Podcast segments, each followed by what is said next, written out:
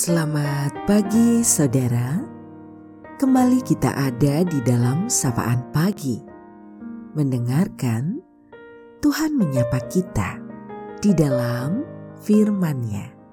Namun, sebelum kita mendengarkan sapaan dalam firman itu, mari teduhkan hatimu dan kita berdoa. Engkaulah sumber kehidupan kami ya Tuhan.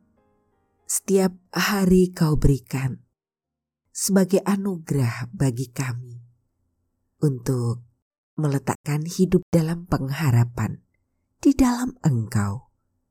Berserah sepenuhnya dengan mendengar Engkau untuk mengawali hari kami. Sebagaimana pagi ini memulai hari baru yang kau beri, kami berserah untuk mendengarkan sabdamu. Di dalam Tuhan Yesus, kami berdoa. Amin. Saudaraku yang terkasih, sapaan dalam firman-Nya pada saat ini kita terima melalui pengkhotbah pasal 11 di ayat 10. Buanglah kesedihan dari hatimu dan jauhkanlah penderitaan dari tubuhmu, karena kemudahan dan fajar hidup adalah kesia-siaan. Kita akan refleksikan dalam tema meletakkan pengharapan pada Tuhan. Saudaraku, sering kali rutinitas sehari-hari yang kita jalankan dengan tidak direfleksikan membuat hidup kita terasa jenuh. Apalagi menjalankannya hanya sekedar memenuhi kewajiban. Orang yang terlalu sibuk dengan pekerjaan dan hal-hal yang duniawi saja membuat dia semakin sulit untuk mengenal suara Tuhan yang senantiasa berbicara di dalam hatinya. Sehingga apa yang menjadi tujuan hidup di dunia ini diabaikan. Dalam kitab pengkhotbah hari ini kembali memberikan pengajaran pada kita tentang maksud dan tujuan hidup di dunia.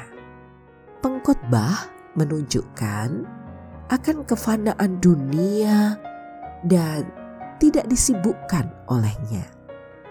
Hal yang paling pokok dalam menghayati hidup adalah yang pertama, mengenal Tuhan dalam setiap aspek kehidupan. Bagaimana cara kita mengenal Tuhan? Milikilah perjumpaan dalam waktu yang khusus dengannya.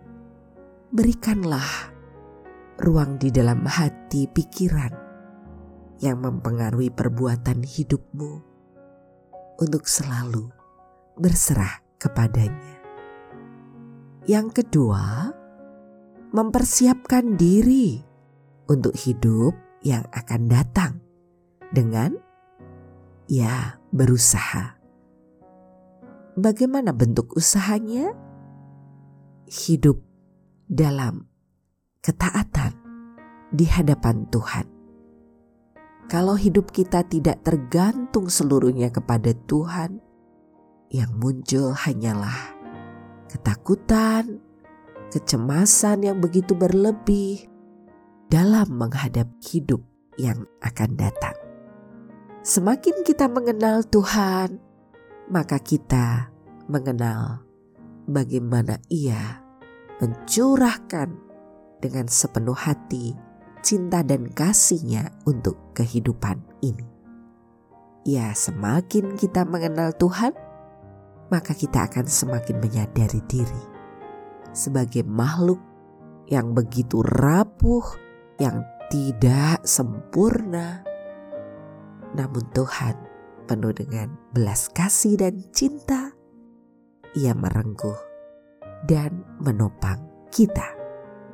Karena itu saudaraku yang terkasih, mari kita terus belajar, belajar, dan belajar untuk setia mengenal Tuhan. Melalui firman-Nya dalam setiap pengalaman hidup sehari-hari yang menumbuhkan iman yang membawa kita pada pengharapan. Sebab di dalam setiap peristiwa yang terjadi, karya cinta Tuhan ada, menopang, dan terus menyertai hidup kita. Kita akan akhiri sapaan pada pagi hari ini. Mari kita berdoa. Terima kasih Tuhan.